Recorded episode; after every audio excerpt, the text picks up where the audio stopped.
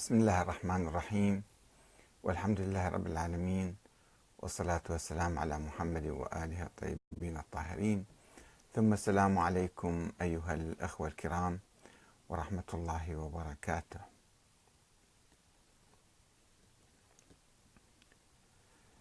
أه نتحدث قليلا عن أه مسيرة السيد هادي المدرسي. من أين ابتدأت وإلى أين انتهت وإلى أين ستنتهي في المستقبل؟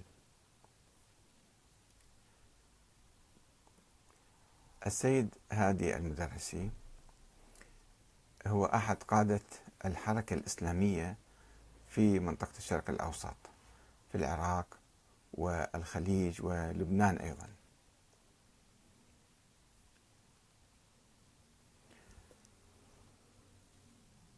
دقائق وسأكون معكم إن شاء الله.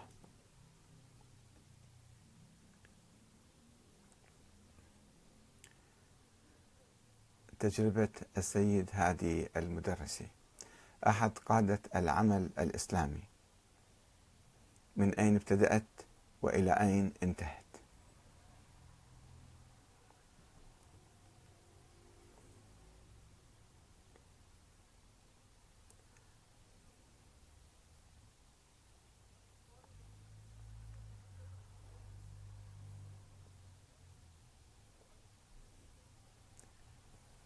تجربة السيد هادي المدرسي. من أين ابتدأت وإلى أين انتهت وإلى أين ستنتهي في المستقبل؟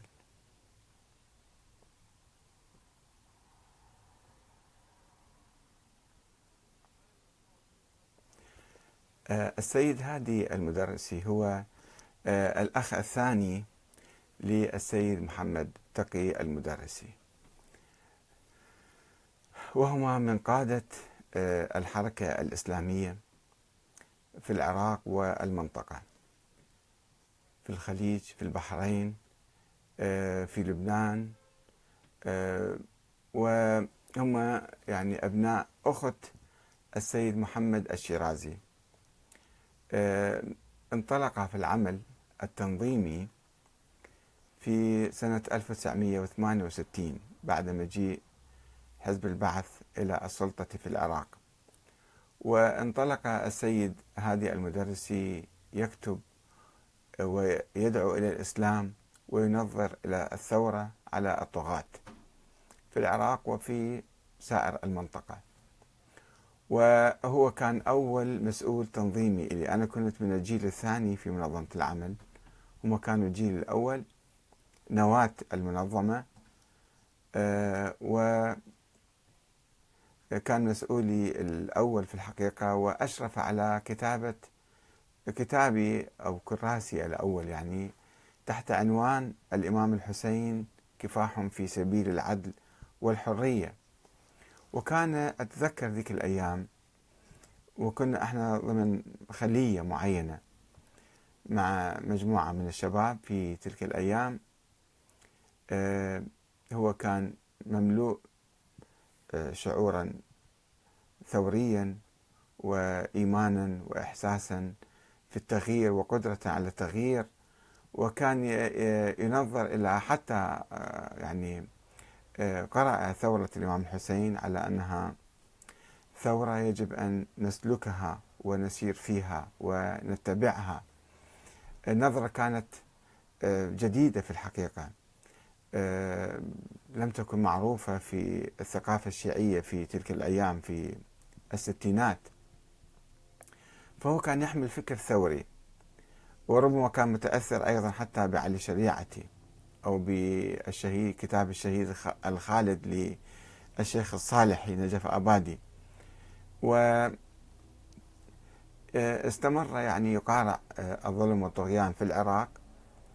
وكذلك في البحرين عندما ذهب واستقر هناك لسنوات آه، إلى أن يعني شكل تنظيما وبنى حركة آه، سياسية ثورية وحاول حتى القيام بانقلاب عسكري سنة 81 بعد انتصار الثورة في إيران.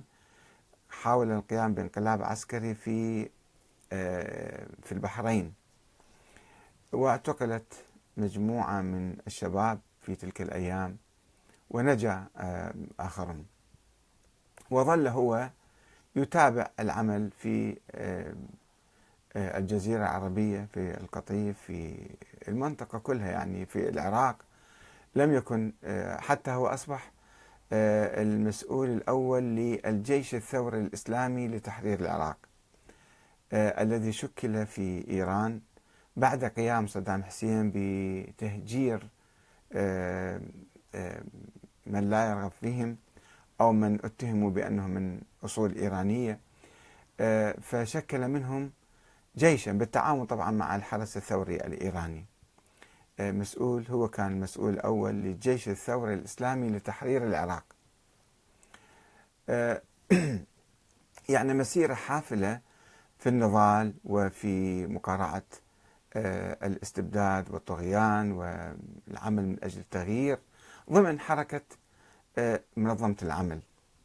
هو كان أحد قيادات منظمة العمل الإسلامي الواسعة ليست في العراق فقط وإنما في كل المنطقة. كان لها فروع في السعودية والبحرين والكويت وأفغانستان وإيران ولبنان وأماكن أخرى عديدة. وطبعا ذيك الأيام أنا أتذكر منظمة العمل وطبعا برعاية الإمام الراحل السيد محمد الشيرازي رحمة الله عليه كان هناك شعور بإعادة ضرورة آه، بناء الأمة الإسلامية من جديد توحيد الأمة الإسلامية تحرير الأمة الإسلامية نشر العدالة الاجتماعية في الأمة الإسلامية أهداف سامية جدا ورائعة جدا. ويعني آه، قدمت هذه الحركة تضحيات كثيرة شهداء آه، كثيرون ذهبوا في هذا الطريق. والآن بعد وفاة السيد محمد الشيرازي رحمة الله عليه قبل حوالي 15 عاما آه، نلاحظ أن هذه الحركة بدأت تسلك سلوكا يعني هامشيا وقشريا.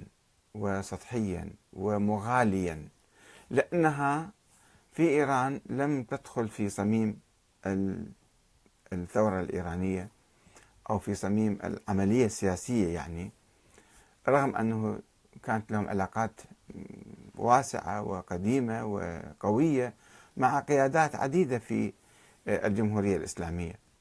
ولكنهم ابتعدوا وانسحبوا يعني ليس لهم مرشح ولا نائب ولا وزير ولا مسؤول. كان لهم سفراء وقائمين بأعمال وبعض المسؤولين هنا وهناك. في العراق أيضا الحركة لم تدخل في صميم العملية السياسية. في بداية تأسيس النظام الجديد قدموا عدة مرشحين وعدة نواب في المجلس التأسيسي الأول وربما في المجلس الثاني ثم أيضا انسحبوا. انسحبوا نحو المرجعية. عملهم الرئيسي الآن هو مرجعية السيد محمد تقي المدرسي. وطبعا قسم آخر مرجعية السيد صادق الشيرازي اللي يكون خال آه، السيد محمد تقي المدرسي.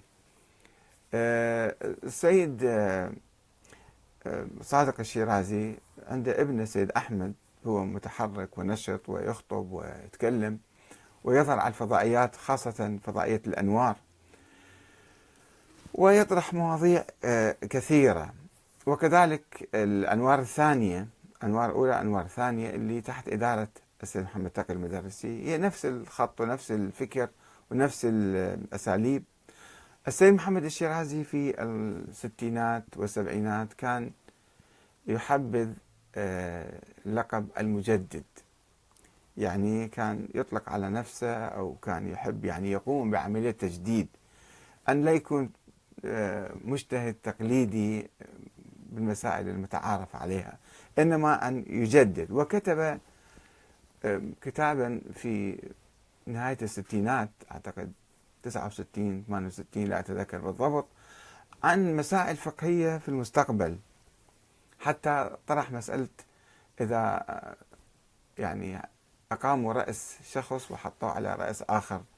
فمن هو آه، هذا الإنسان؟ هو صاحب الجسد أم صاحب الرأس؟ اللي الآن هناك تجربة في إيطاليا أعتقد لي آه، تطبيق هذه الفكرة. هو طرحها قبل حوالي خمسين سنة أربعين خمسين سنة.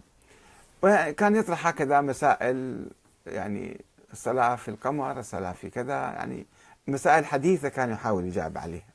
وكانت ذيك الأيام موضوع سخرية من قبل البعض ولكنها أصبحت يعني متعارفة فيما بعد.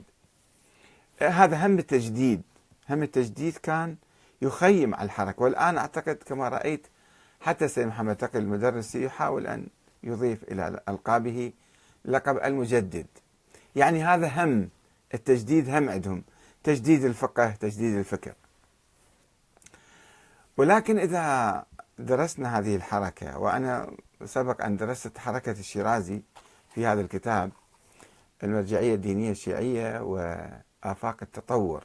الإمام السيد محمد الشيرازي نموذجا وقرأت كل التجربة وكل كتبة ومسيرته حوالي خمسين عاما من العمل والعطاء والكتابة والتفكير.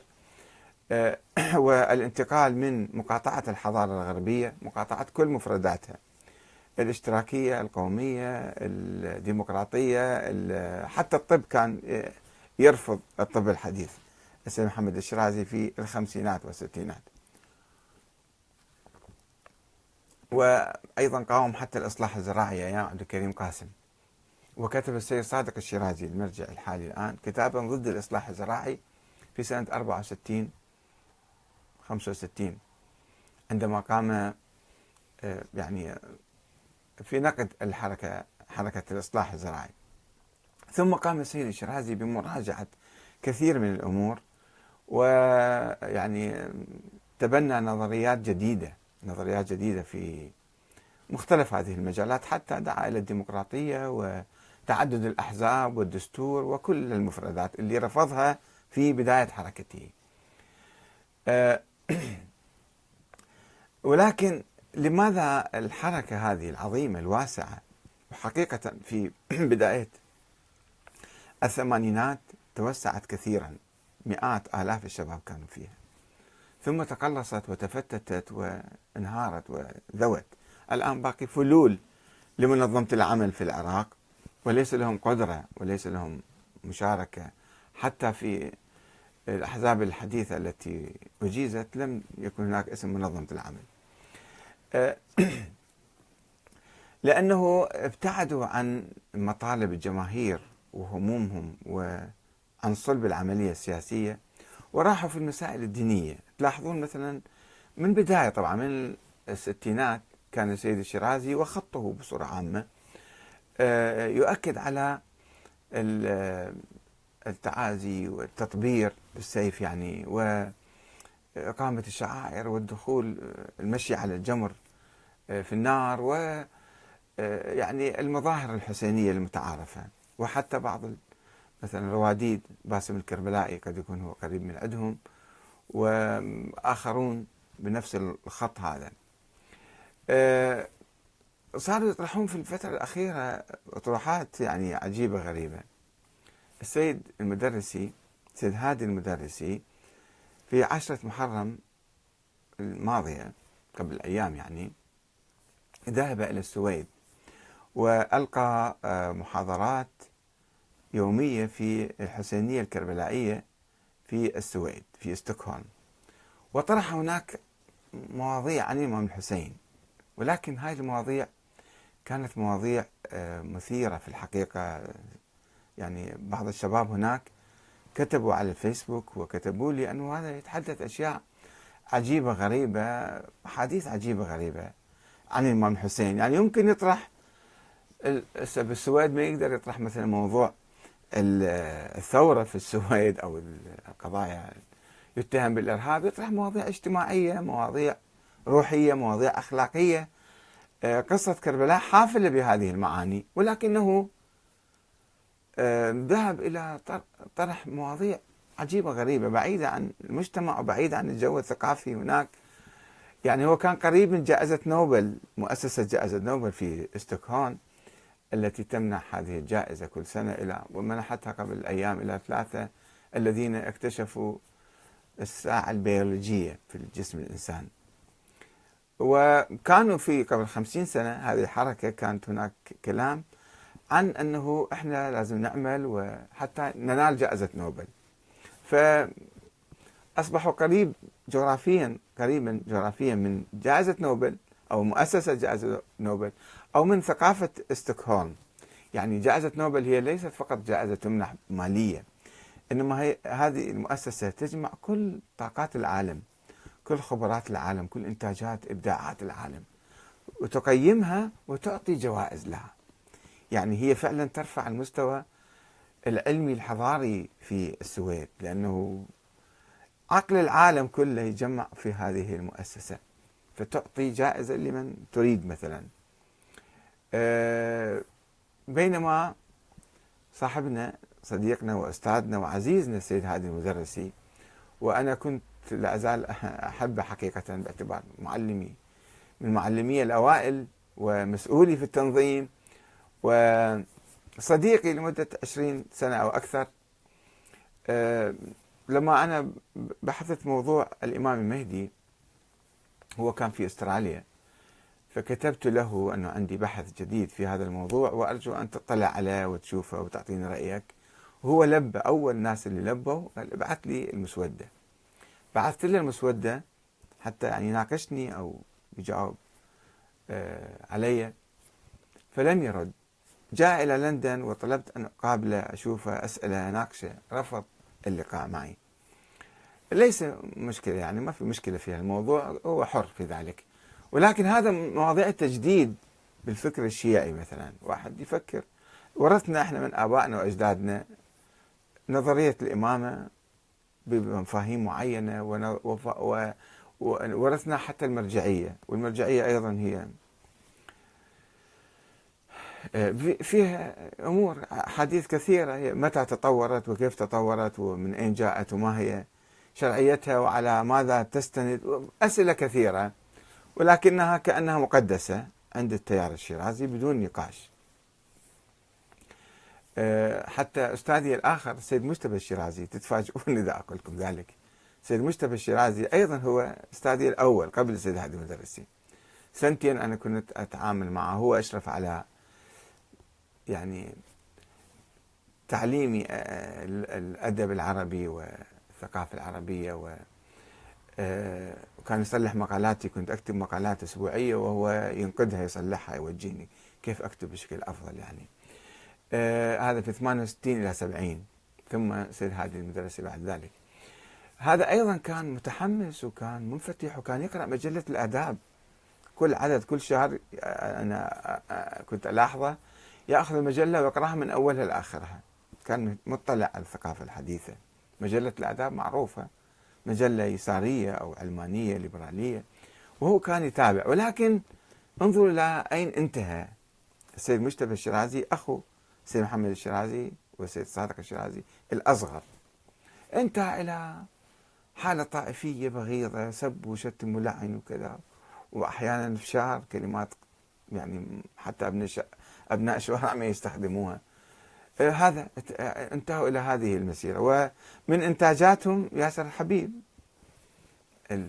كل يعني سب بالناس من مختلف الفرق والطوائف حتى الشيعة وعلماء الشيعة ومراجع الشيعة ما خلصوا من عنده. حتى سيد موسى الصدر رحمة الله عليه ما خلص من عنده. يسب يعني انتقده انتقادات قاسية جدا. حركة عنيفة أصبحوا مغالية متطرفة وعنيفة. وكل واحد مو معاهم فهذا منحرف. ضال مضل. هنا المشكلة يعني. حتى سيد محمد باقر الصدر الإمام الخميني الخامنئي سيد حسن نصر الله موسى الصدر ما في واحد بقعدهم يعني إنسان جيد ومحترم ويعني آه، كل الناس مو زينين يصيرون في أذهانهم. عندما واحد يتطرف ويؤمن بالتطرف. لاحظوا مثلا سيد هادي المدرسي في ستوكهولم قريبا من مؤسسة نوبل. وهو آه، يتحدث الحسينية الكربلائية في دائرة ضيقة عن الإمام الحسين. يوم من الأيام يطرح أن الملائكة سجدوا للحسين وليس لآدم. أسجدوا لآدم؟ لا هاي مو مو باعتبار الحسين في صلب آدم فسجدوا للحسين. الله أمر الملائكة أن تسجد للحسين. هذا أحد الأخوان سميح الأسدي الكربلائي يذكر في صفحته. يقول يقول إن الله طرد تعالى طرد آدم من الجنة وإن الله تعالى عندما أمر الملائكة بالسجود لآدم فهذا كان يعني أن يسجدوا للحسين اللي هو في صلب آدم في حقيقة الأمر. قصة أخرى عنده يقول آه، أن أهل البيت أنوار معلقة في عرش الله قبل خلق الخلق. الامام آه، النبي والإمام علي وفاطمة الزهراء والحسن والحسين خلقهم الله قبل خلق الكون ووضعهم تحت عرشه. آه، يقول أيضا أن الله لم يغفر لآدم حتى توسل بأهل البيت. وهذا موجود في الرابط كما يقول الأخ هذا موجود في حسينية الإمام الحسن المجتبى عندهم موقع الإنترنت الكربلائية في ستوكهولم في السويد محاضرات السيد هذه المدرسة موجودة هنا في هذه آه، الحسينية في هذا الموقع. آه، وبعد يقول أن الله قدم قربانا وقربان الله هو الإمام الحسين وفديناه بذبح عظيم إلى النبي إبراهيم عليه السلام. يأول القرآن أن الذبح العظيم هو الإمام الحسين. آه، إذا أجينا إلى أخوه السيد عباس المدرسي أصغر من سيد هادي. نشرت أنا قبل مدة محاضرة له فأيضا يطرح موضوع أن الإمام علي يحكم المحشر والإمام الحسين يحكم عالم البرزخ. أنت إذا متوا فترة بين الدنيا والقيامة عالم البرزخ والإمام الحسين هو هناك حاكم على عالم البرزخ. إذا أجينا إلى أحمد الشيرازي ابن سيد صادق الشيرازي. فعنده محاضرة شيء مهمة جدا الآن وخطيرة جدا. شوفوا ما عندهم قضية يعني أصبحوا بلا قضية. حركة انهارت وذابت وتف... و... و... لأنه ما كان فيها ديمقراطية داخلها. كان فيها نوع من السيطرة والاستبداد فانهارت الحركة. وفقدوا البوصلة الاجتماعية السياسية. صار يروح في القضايا المغالية والخرافية والأسطورية. فهذا محاضرة طويلة عريضة أنه آه لازم يسمون أسماءكم أسماء أبنائكم آه كلب علي وكلب حسن وكلب حسين وكلب باكر وكلب صادق. كما يفعل بعض الهنود. ما أدري يمكن راح الهند باكستان أو كذا وشايف ذول المتطرفين الناس. ف يقول ليش؟ لأنه الكلب وفي جدا وإحنا أوفياء لأهل البيت فيجب أن نسمي أسماءنا. يعني أهل البيت يردون من عندنا نكون كلاب لهم. هذه رسالة أهل البيت هذه رسالة الإسلام هذه رسالة التشيع. وين قبل خمسين سنة اللي إحنا حركة ذات آفاق عالمية واسعة نهتم بأمور المسلمين في كل مكان نعمل من أجل توحيد الأمة الإسلامية. نعمل من أجل تحرير الأمة من الطغاة والظالمين. نعمل من أجل التغيير الاجتماعي. وكثير من الشهداء ذهبوا على هذا الطريق. نوصل إلى هالنماذج. شوفوا أنتم تابعوا. أنا ما أتابع بالحقيقة إعلام الأنوار محطات عديدة. محطات عديدة 14 محطة وأكثر يمكن عندهم. باللغة العربية والفارسية والهندية والأردية والتركية والإنجليزية. محاضرة شو محاضرة المحطات الفضائية ماذا تقدم للناس؟ ماذا تثير من مواضيع؟ قضايا خرافية أسطورية قضايا مغالية بأهل البيت. إيه، والمشكلة وين؟ أنا حسب ما حللت كتاب السيد يعني السيد الشيرازي. المشكلة هو يعني اتبع المنهج الأخباري. المنهج الأخباري يعني ما يحقق بالروايات. شو ما أكو روايات أحاديث بحر الأنوار بأي كتاب كان. بس تقول هذه رواية عن إمام فلاني تقول لك خلاص صحيح. مسلمة. وأنا أتذكر هذا المنهج يعني وكتبت ذلك عن السيد عباس المدرسي هو زميلي وصديقي كان من الطفولة من المدرسة الابتدائية وعندي صور وضعتها على النت تشوفوها آه، في الابتدائية مدرسة حفاظ القرآن الحكيم كنا مع بعض. وهو راح الحوزة وأنا بعد رحت آه، بسنة سنتين يمكن. وأتذكر كان يقول أن أي حديث يجي عن الأئمة ما لازم نرده. وأنا بطفولتي ما كنت أهضم الكلام. أنا مو معقولة. شلون أي حديث يعني نقبل به؟ الآن السيد هادي المدرسي في السويد في ستوكهولم يكرر هذا الحديث يكرر هذا المعنى. أنه إحنا يجب أن نقبل كل ما يردنا عن أهل البيت وما نرد أي واحد. وما نفك ما نفكر وما نشك بالحديث هذا. آه، واللي ما يقبل كما يقول يمسح إيده بالحائط. هذا نص كلامه. هذا هاي العقلية الأخبارية الحشوية المتطرفة. حتى الأخباريين فيهم ناس بدأوا يعني يأخذون الأخبار ولكن ينقحون السند ينظرون في بعض الأحاديث. مو كل حديث عندهم صحيح. بينما السيد هادي المدرسي يعتبر أن هذه الأمور كلها آه، يعني صحيحة وما آه، ما لازم ننكرها. السيد الشيرازي أيضا نفس الشيء. وأعتقد حتى السيد صادق الشيرازي هو أخباري.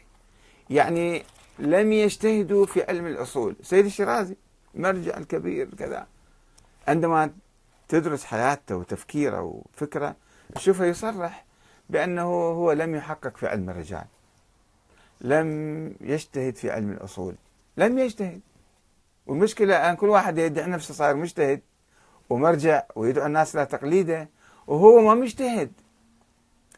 ما يعرف ألف باء الاجتهاد. الاجتهاد تحتاج يعني تدرس التاريخ تدرس العقيدة مالتك في البداية. إذا عقيدتك أنت مخربطة شلون يصير مجتهد بعدين؟ يعني ما دارس عقيدته. فشوف الغلو والخرافات والأساطير تتراكم عندهم. يقبلون كل شيء. أصلا ما يفكرون في المواضيع ذني فشلون راح يصير مجدد؟ يا سماحة السيد شلون تصير مجدد؟ أنت تريد تجدد بالدين وأنت ما دارس عقيدتك بصورة جيدة. بصورة علمية بصورة دقيقة. ما تعرف الإمام الثاني عشر فعلا مولود ولا ما مولود؟ ما عندك دليل عليه. فقط لأنه هكذا يقال. هكذا يقال. هذا تقليد صار. صرت مقلد أنت. أنت مقلد وتدعو الناس إلى تقليدك. كيف يقلدك الناس وأنت في يعني رابط أصابع على عينيك وعلى رأسك وعلى تفكيرك؟ ما تفكر أبدا. ما تريد تفكر. واحد لما يقول لك في كلام تعال ناقشني تعال أبحث وياي تعال أشوفك ما تقبل تشوف واحد عنده رأي آخر. وأنا تلميذك. أنا صديقك. أنا معاك من آخر عشرين سنة مع بعض. فليش أنت تهرب من الحوار تهرب من اللقاء؟ وبعدين تجي تقول لي أنه ما أنظر بهالروايات. كل ما يرد من الروايات فما يصير أردها كفر. إذا رديت رواية مشكلة. الروايات مختلقة وموضوعة ومكذوبة ومصنوعة وأنت جاي كل ما واحد قال لك رواية عن فلان ما مصدق بيها. يعني أنت أسأل أي إنسان عنده أدنى ثقافة ما يقبل وبعدين يفكر بعقله هذا كلام مو معقول. يعني هذا الأخ سميح بستوكهولم كان يحضر عاشوراء ومستغرب هالكلام. من وين؟ ويقول اللهم إني أبرأ إليك من ذلك. وكل ما يجيب قصة يسمعها يهتز ويتبرأ من عندها. يقول شنو راح يسوون دين جديد أنتم بهالخرافات وبهالأساطير. فلازم الواحد إنسان عادي هو. إنسان عادي بس يفكر يفكر قليلا ويعرف هذه مو معقولة. بعدين أين أصبح القرآن؟ عفوا. عقيدتنا وفكرنا عن أهل البيت وعن الحياة. لازم ناخذها من القرآن القرآن ما فيها الأشياء ذني. ما فيها الخرافات والأساطير. والمشكلة فيها الأحاديث الموضوعة. إذا أنت تركت القرآن ورحت على الأحاديث راح فعلا يكون لك مو دين أديان أخرى تصير. بتشوفون هالطقوس المبالغ فيها وهالخرافات وهالأساطير لأنه منهج أخباري. منهج أخباري ما يحقق ما يدرس ما يعرف شو معنى الإمامة شو معنى أهل البيت. وجاي يخالف الله خلقكم قبل خلق الكون. شو يسوي بهم الله خلقكم قبل الكون؟ ليش؟ شنو يعني أولاد هذول هم؟ والعياذ بالله. ليش خلاهم معلقين بالعرش؟ شنو يعني معناته؟ وشو هو العرش حتى معلقين بالأرواح. منين جبتوا الكلام هذا؟ شوية حقق شوية فكر شوية ادرس. شوية مثلا ارتقي. مو أنت واقف من خمسين سنة نفس الكلام نفس الفكر نفس الأشياء اللي أخذتها من أبوك وجدك واباك نفسها أنت بعدك عليها. شوية شوية تحرك حرك فكرك. شوية يعني انظر ادرس ناقش باحث حاور حتى تقدر تتابع. وإلا تنزوي. طبعا الناس لما يشوفوا هالأفكار راح يبتعدون عنهم. وفعلا مبتعدين عنهم. أه بس تجيب اسم الشيرازيين؟ يقول لك ذول ناس خرافيين ناس أسطوريين ناس غلاة ناس كان ليش؟ هالحركة اللي ابتدأت قبل خمسين ستين سنة وكانت عندها طموحات عالية وأهداف عظيمة إعادة بناء الحضارة الإسلامية. هكذا كانوا يعلمونا. هو نفس السيد هذا المدرس كان يعلمنا. سيد محمد تقي المدرسي سيد الشيرازي. إعادة بناء الحضارة الإسلامية. ننتهي إلى هاي الخرافات والأساطير. وين في أوروبا في السويد في ستوكهولم وفي لندن نفس الشيء. يجون يبثون هالأفكار هذه. ليش؟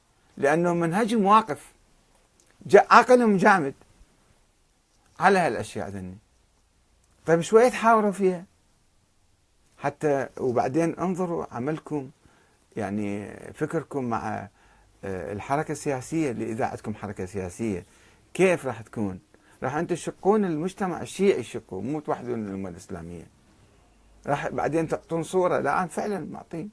هالقنوات الفضائية المغالية والمتطرفة تعطي صور سلبية عن التشيع وعن الإسلام؟ وبالتالي آه، يعني ننتهي إلى صفر أو إلى ما تحت الصفر. فأنا من حبي للسيد هادي المدرسي وهو له فضل علي وأستاذي وأعتبره رجل مجاهد مناضل آه، يعني عمل كثيرا من أجل مكافحة الاستبداد والطغيان وتحرير الأمة الإسلامية وتوحيدها. ننتهي إلى هذا التطرف والغلو. هذا يمزق الأمة. وآمل أن هاي دعوة من عندي صريحة إذا كان يسمعني أو واحد يسمع صوتي وصل إياه أنه شوية حاول تتعمق في الدراسات الحوزوية على الأقل. تعمق في علم الرجال في علم الأصول. هاي علوم ما أعتقد دارسيها أصلا. وشوية انفتح تحاور وفكر أنه هذا ال... هذا الكلام اللي أنت حامله ورايح للسويد شو تسوي بيه وين تبيعه لمن تعطيه شنو راح يكون أثره في المجتمع؟ مجرد كلام ما له صلة بالواقع. وعندنا درس كان في منظمة العمل. من دروس الأولى التنظيمية الدين للحياة. يعرفوه يعرف سيد هذا المدرس جيدا. الدين للحياة. يعني إحنا انطلقنا في منظمة العمل على هذه المنطلقات أنه الدين مو فقط للآخرة الدين للحياة.